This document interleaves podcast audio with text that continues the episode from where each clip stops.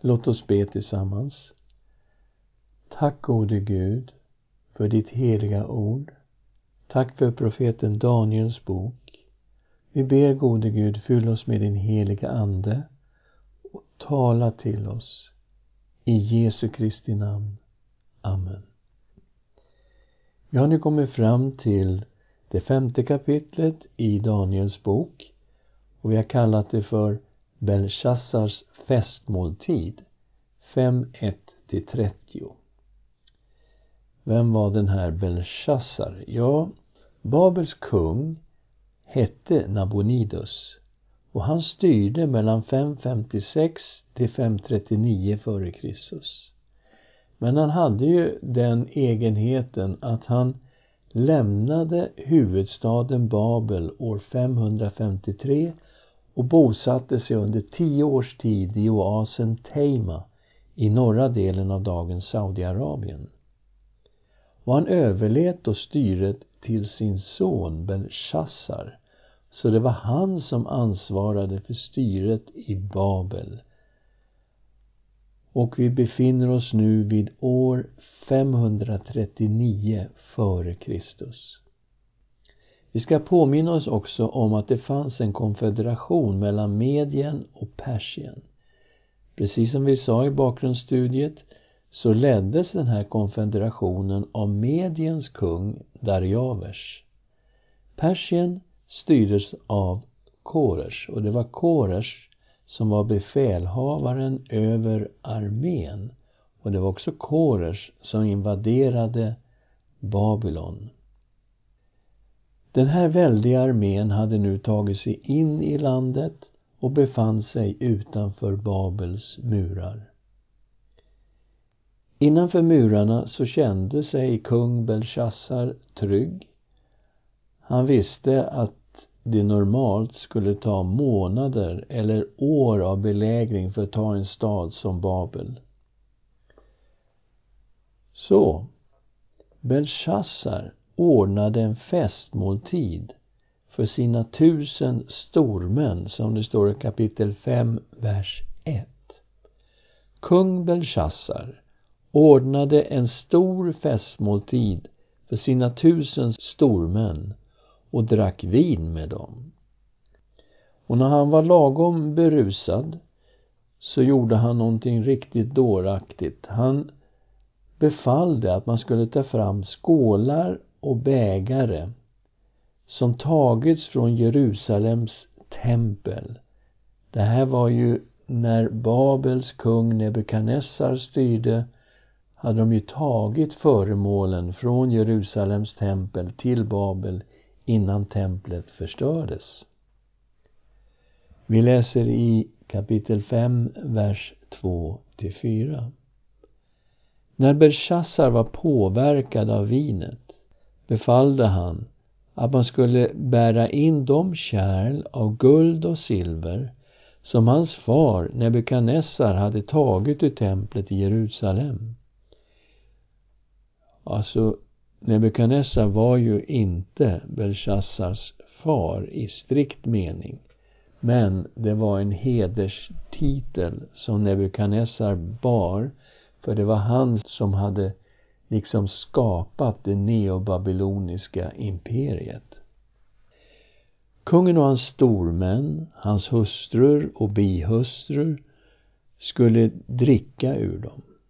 Då bar man fram guldkärlen som hade tagits ur Guds tempel i Jerusalem och kungen och hans stormän, hans hustrur och bihustrur drack vin ur dem. Medan de drack prisade de sina gudar av guld och silver, av koppar, trä, järn och sten. Oj, vilken utmaning det här är av Jahve. Vad händer i den här situationen? Ja, vi läser ifrån vers 5. Samma stund visade sig fingrar som av en människohand som skriver på den vitkalkade väggen mitt emot den stora ljusstaken i kungens palats. Okej. Okay. Så det var en upplyst del av den här festsalen. Det var mitt emot den stora ljusstaken. Och där skrev den här handen. Och kungen såg handen som skrev. Då bleknade kungen och fylldes av oroliga tankar. Han blev alldeles knäsvag och benen vek sig. Och kungen ropade med hög röst och befallde att man skulle hämta besvärjarna, kaldéerna och stjärntydarna. Kungen sa till de vise i Babel, den som kan läsa den skriften och ge mig dess tydning ska bli klädd i purpur och få en guldkedja runt sin hals och styra som den tredje i riket. Det var ingen dålig belöning. Att få klä sig i purpur, det var alltså kungliga kläder. Det var kungarna som fick klä sig i purpur. Och få en guldkedja, detta var ju kungliga symboler. Och skulle styra då som den tredje i riket, förstås efter kung Nabonides och hans son Belshazzar. Då kom kungens alla vise, men de kunde varken läsa skriften eller tyda den för kungen. Kung Belshazzar blev då ännu mer förskräckt. Färgen försvann från hans ansikte och hans stormän var bestörta. Men när drottningmodern fick höra vad kungen och hans stormän hade sagt kom hon till festsalen. Okej, så mamman till drottningen kommer in här. Där tog hon till orda och sa Må kungen leva för evigt. Låt inte dina tankar skrämma dig, var inte så blek. I ditt rike finns en man med heliga gudars ande i sig. Det var precis det här uttrycket som Nebukadnessar hade använt om Daniel när han tydde hans drömmar. På din fars tid visade han sig insikt och förstånd och en vishet lik gudarnas vishet. Din far, kung Nebukadnessar, satte honom främst bland spåmännen, besvärjarna, kaldéerna och stjärntydarna. Din far kungen gjorde så, eftersom Daniel, som kungen gav namnet Belteshazzar, hade en enastående ande, klokhet, förstånd och skicklighet att tyda drömmar och lösa gåtor och reda ut problem. Låt därför nu hämta Daniel. Han kommer att ge tydningen. Ja, så man hämtar Daniel dit och vad är det som ska hända? När Daniel hade förts till kungen tog kungen till orda. Är du Daniel, en av de judiska fångarna som min far kungen hade fört hit ifrån Juda. Jag har hört talas om dig, att gudars ande bor i dig och att du visat dig ha insikt, förstånd och utomordentlig vishet. Nu är det så att de vise och besvärjarna har förts hit till mig för att läsa denna skrift och tyda den för mig. Men de kan inte tyda den. Men om dig har jag hört att du kan ge tydningar och reda ut problem. Om du kan läsa skriften, säg mig vad den betyder så ska du bli klädd i purpur, få en guldkedja runt din hals och styra som den tredje i mitt rike. Och så ska vi nu höra vad Daniel säger till kungen. Då sa Daniel till kungen, du kan behålla dina gåvor och ge dina belöningar åt någon annan. Jag ska ändå läsa skriften för kungen och ge tydningen. Eftersom skriften hade ju kommit från Gud. Det här var ju en domsprofetia över Belshazzar och över Babel, kommer vi att märka här. I vers 18. Åt din far Nebukadnessar, o konung, gav den högste guden rike och storhet, ära och härlighet. Inför den storhet som Gud gav honom darrade människor av alla folk, stammar och språk i skräck inför honom. Vem han ville dödade han och vem han ville lät han leva. Vem han ville upphöjde han och vem han ville ödmjukade han. Så Nebukadnessar hade mycket stor makt. Men det var en makt han hade fått från Gud. Därför att, vi kommer till vers 20. Men när hans hjärta förhävde sig och hans ande blev stolt och övermodig, då störtades han från sin kungatron och blev fråntagen sin ära. Han blev utstött från människor och hans hjärta blev som ett djurs. Han måste bo ibland vildåsnor och äta gräs som en oxe. Och hans kropp fuktades av himlens dagg ända tills han insåg att Gud, den högste, råder över människors riken och upphöjer vem han vill till att härska över dem. Så här ser vi ju temat i hela Daniels bok. Ett vittnesbörd om Gud den högste som är historiens Gud som står över alla människors riken och han upphöjer vem han vill till att härska över dem. Och så kommer en personlig domsprofetia mot Belshazzar. Men du, Belshazzar, hans son, har ändå inte ödmjukat ditt hjärta, trots att du visste allt detta. Du upphöjde dig mot himlens Herre och lät bära fram kärlen från hans hus inför dig.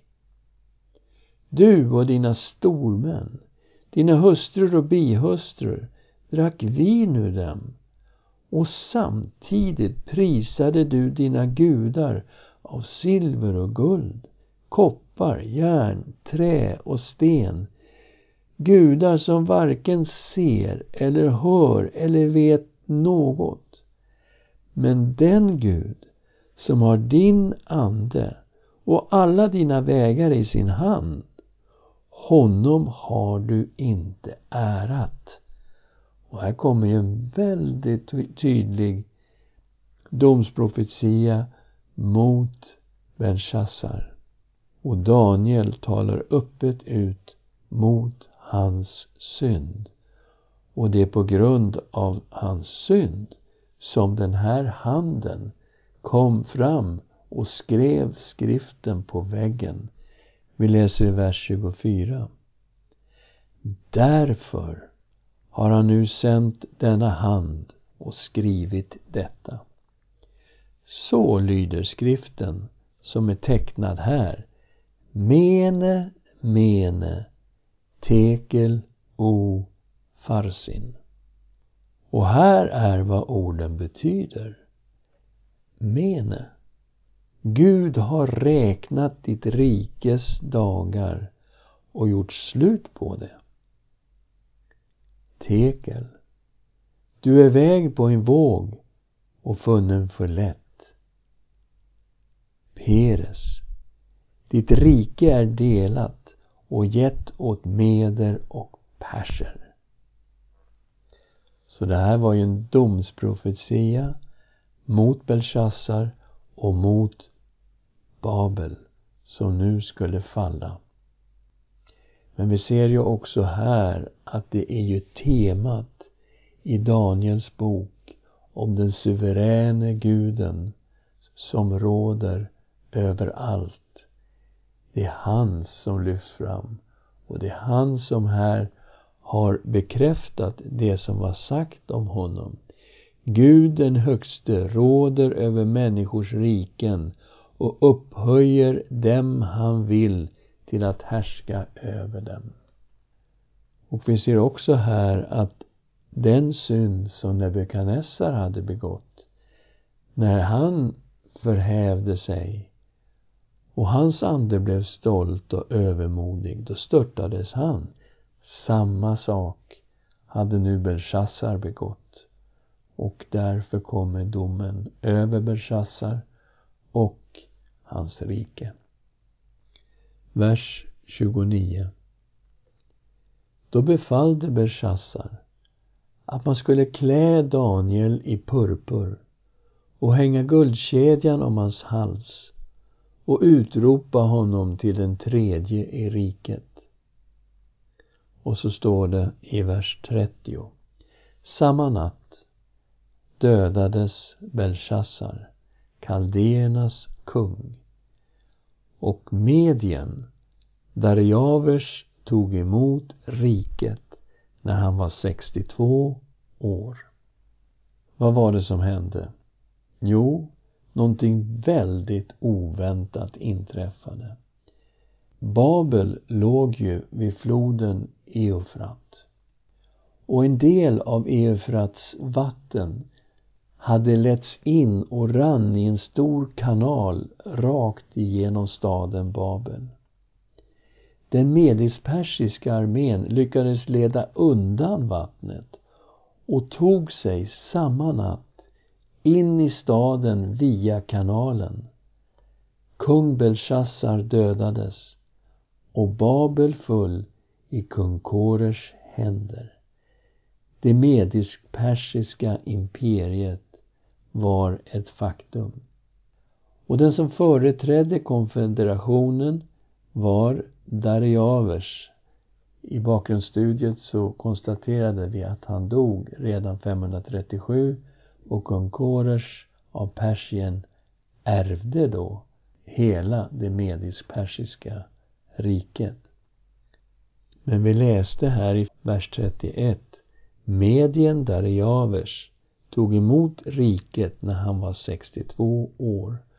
Och det står alltså inte i Daniels bok att det var Dariavers som intog Babel, för det gjorde han ju inte, det gjorde ju Koresh. Men eftersom han var den gamle kungen i det medisk-persiska riket så var det han som tog emot riket. Och vi kan se något liknande i kapitel 9, vers 1.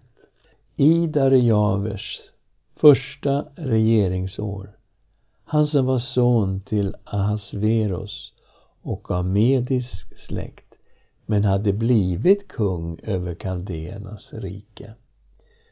Så han är inte framställd som den som var befälhavaren, men den som mottog riket och hade blivit kung. Men vad vi ska notera här, det är ju hur temat i Daniels bok återigen förstärks även i den här situationen.